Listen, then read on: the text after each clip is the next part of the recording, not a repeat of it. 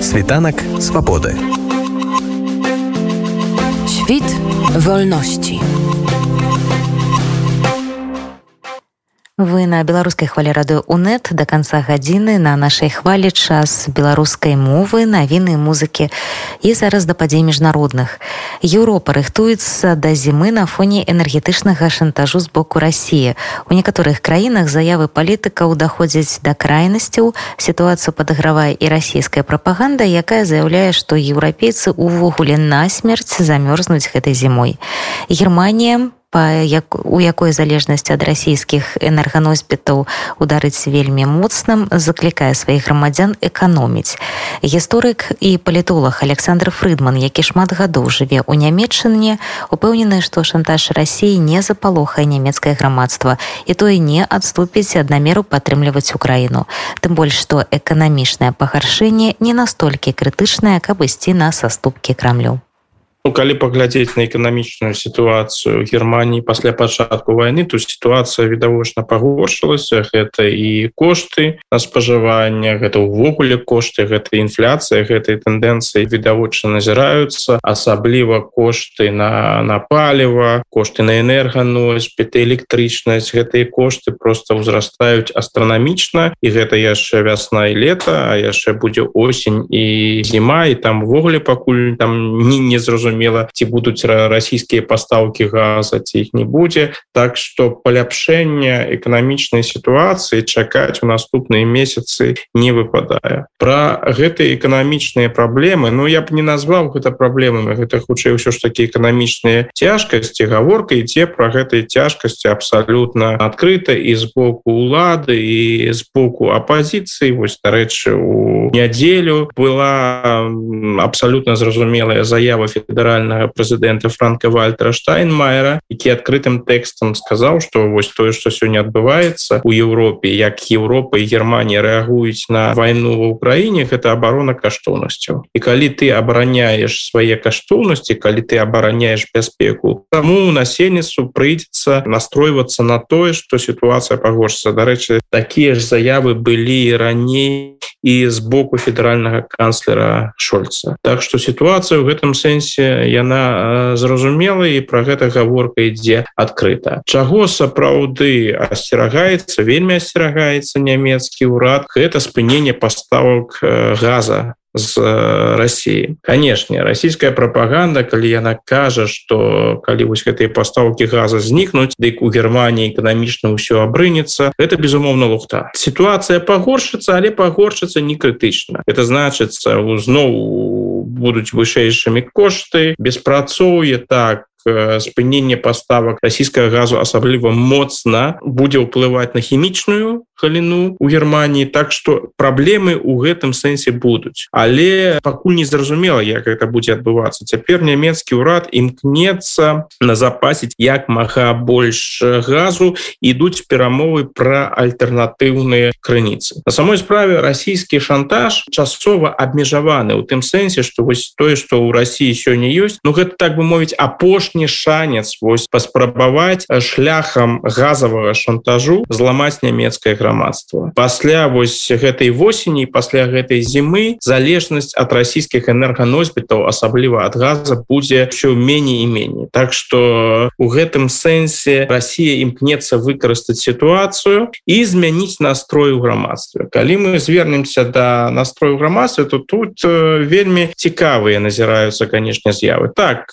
шмат людзей эканамічнай сітуацыі незадаволены і баяцца что яна яшчэ пагоршыцца сацыялагічныя пытанні падкрэсваюць што вось гэтыя страхі ў нямецкім грамадстве сапраўды распаўсюджаны калі ж адначасова задаецца пытанне і пра санкцыі ці трэба напрыклад спыніць санкцыі супраць Росіі ці трэба адмовіцца ад паставак узбраення ў краіне дык адказы на гэтае пытанне адмоўныя по-ранейшаму большасць прыкладна две траціны насельніцтва выступае за тое каб пастаўкі зброі захаваліся а нават трэць насельніцтва выступае за тое каб пастаўлялі больш зброі і прыкладна трэць супраць таго каб пастаўляць гэтую зброю але ну тут пытанне са зброі яно такое складаныя сярод тых людзей якія супраць таго каб пастаўляць зброю не абавязкова тыя хто сімпатызуе Росіі ці выступае за паляпшэнне адносіну з Росіі там сярод гэтых людзей ёсць пацыфісты якія лічаць што Германія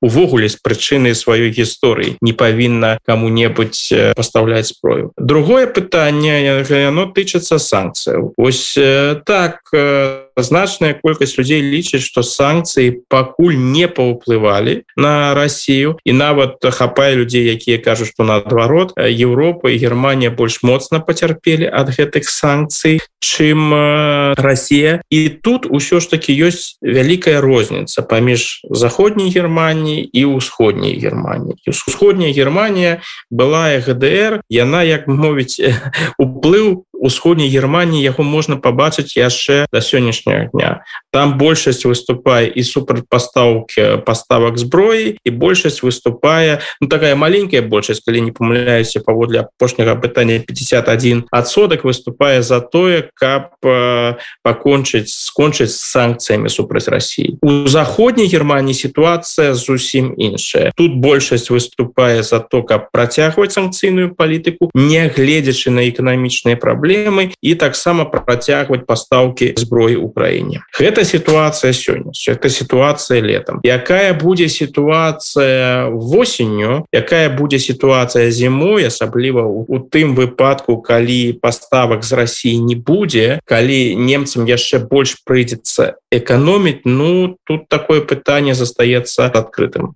цяжка на яго сёння цяжка прадказаць. Чтоб яшчэ б я вылучыў у Германії фактычна ўжо дзейнічае рэжым эканоміі. І вось гэтая эканомія якую немцы практыкуюць гэта ўсё у расійскіх і ў беларускіх дзяржаўных сМ это ўсё показваецца вельмі зневажальна. Так бы мовіць да якога ўзроўня немцы ўжо дайшлі што яны ўжо эканомяць і тут і тут і тут. Гэтай эканомія у самой Германії яна ўспрымаецца ну куды больш спакойна. Бо гэтая цяга там не марнаваць ресурсы эканомна ставіцца да ресурсаў гэта ў прынцыпе характэрна для значнай часткі нямецкага насельніцтва. Таму гэтыя заклікі з боку урада якія ідуць там что трэба можа гарачую воду не так актыўна выкарыстоўваць Ну і увогуле імкнуцца по магчымасці эканоміць гэта ўспрымаецца значнай колькасцю насельніцтва досыць нормально так что ситуация сітуацыя канешне не досыць непрыемная для значнай колькасці людзей але нічога такога жахлівага зразумела няма насколько на нямецкае грамадства зараз маюць уплыў расійскія сродкі масавай інфармацыі і тыя выхадцы з Росіі альбо з Савецкага саюзу якія у немалай колькасці жывуць у Геррманіі ёсць нават такі стэеатып што напрыклад усходняя Германія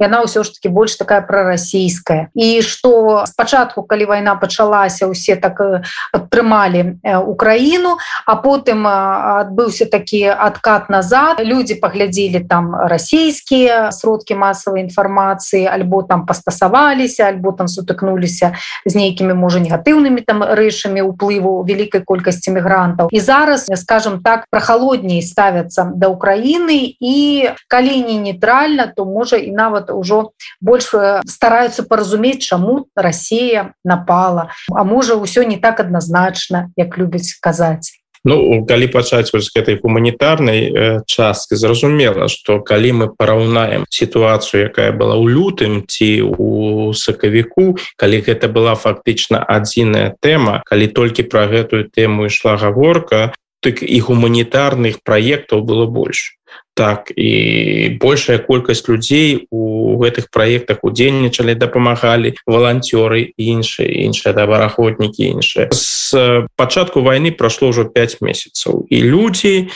так бы мовіць да войны з цягам часу прызвычаіліся война безумоўна прысутнічае людзі ведаюць про тое что ідзе война яны гэта эканамічна таксама адчуваюць яны адчуваюць большасць насельніцтва адчувае таксама згодна сацыялагічна эканамічнымі пытаннямі адчувае што справа можа дайсці да трэцяй сусветнай войны і іншая так што вайна яна як мовіць яна прысутнічае але для шэрагу людзей ужо недзе так на перыферыі. І тут яшчэ трэба ўсё ж таки зразумець что цяпер лета. Прычым гэта фактычна першае посткавіднае лето калі людзі атрымалі магчымасць свабодна адпачываць там падарожнічаць іншае іншае у таких умовах люди спрабуюць так бы мовіць атрымаць найлепшае ад жыцця і вось такія тэмы як там война забойствы гвалт і іншыя яны ад сябе трохі гэтыя тэмы ну пэўная частка зразумела насельніцтва імкнецца гэтые тэмы ад сябе адвесці. Калі мы паглядзім так візуальна скажем сапраўды у пачатку войны у лютым у сокавіку у нямецкіх гарадах было куды больш украінскіх сцягоў. Сёння яны таксама захаваліся іх можна пабачыць але іх ужо не так шмат. Такі такі першы хайп ён знік як я ўжо казаў людзі прызвычаіліся. Стаўленне да украінскіх уцікачоў ну у прынцыпе канешне ёсць там і негатыўныя негатыўныя моманты есть людзі якія да уцікачоў прынцыпова негатыўна ставяцца гэта ўсё прысутнічае. Але ўсё ж таки мне падаецца больше ставіцца лояльна бо па-першае люди бачаць что ва ўкраіне адбываецца бо гэтая тэма ўсё ж таки у медыя прысутнічае. По-другое гэта склад уцікачоў. Калі мы параўнаем з падзеямі 15 16 годах то гэта былі пераважна маладыя мужчыны. Сёння гэта пераважна жанчыны і дзеці Вось калі там глядзіш у розных нямецкіх гарадах акцыі салідарнасці якія ладзяць уцікачы дык гэта фактычна жаночыя акцыі дзе яшчэ там распораз прысутнічаюць дзеці. Вось гэтая структура уцікачоў яна таксама уплывае на ўспрыняцце. Цяпер что тычыцца заходняй германії усходняй германії дык сапраўды розніца ёсць. Вось і гэта вельмі такі цікавы феномен якой яшчэ нам напэўна будуць вывучаць. Калі мы паглядзім на краіны усходняй Еўропы ось асабліва чэхія Польша Словакія Ну Мабыць Венгрыя тут выключэнне але галоўным чынам там Румынія краіны балты іншыя славенія. Сярод іх там у грамадстве ёсць асаблівае спачуванне асаблівае разуменне сітуацыі гэта тыя дзяржавы якія украіне асабліва моцна дапамагаюць нават не заўважаючы на ўласныя эканамічныя палітычныя ваенныя інтарэсы у выпадку германії ўсё выглядае інакш менавіта у былой германской дэмакратычнай рэспубліцы а за ў сённяш у сённяшняй усходняй германії там адчуваецца ўсё ж таки досыць асаблівае стаўленне да Росіі і да рускага менавіта мне падаецца гэта гэта уплывы гдр і что цікава гэта перадаецца напэўна з пакалення у пакаленне так ці інакш а пытанні показваюць что больш крытычнае стаўленне да Украіны да дапамогі Украіны да санкцыяў супраць Росіі да паставак зброі яно ва ўсходняй Геррманіі у ўсходняй Геррманіі ёсць большасць якая выступае супраць паставак зброі і невялікая зусім невялікая большасць якая выступае супраць санкцыі у заходняй Геррманіі сітуацыя выглядае інакш.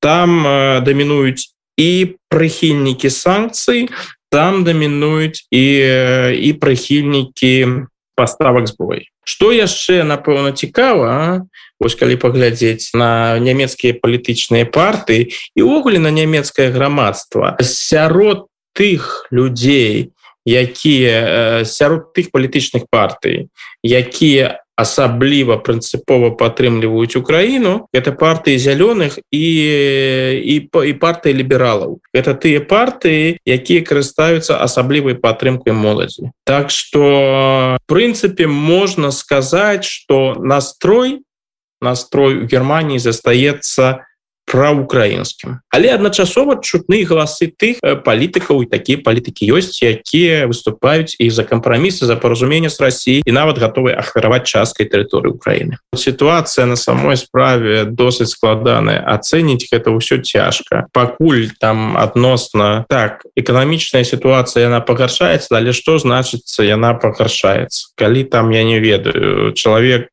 які раней там набываў пэўны сыр у, у, у супермаркеце за пэўную цану сёння ён бачыць ён ужо каштуе больш і вось ён стаіць перад выбором что я раблю далей. Я купляю гэты сыр там не ведаю на 20 центаў даражэй ці на 30 центаў даражэй ці я купляю іншы які больш танны вось гэта на таким на таким узроўні ідзе пакуль на такім узроўні ідзе але кошты ну кошты яны будуць павялічвацца это зразумела так. І як будзе рэагаваць у далейшым грамадства пакуль цяжка прасказаць але пакуль пэўная салідарнасць безумоўна ёсць. Можа яна і так і захаваецца.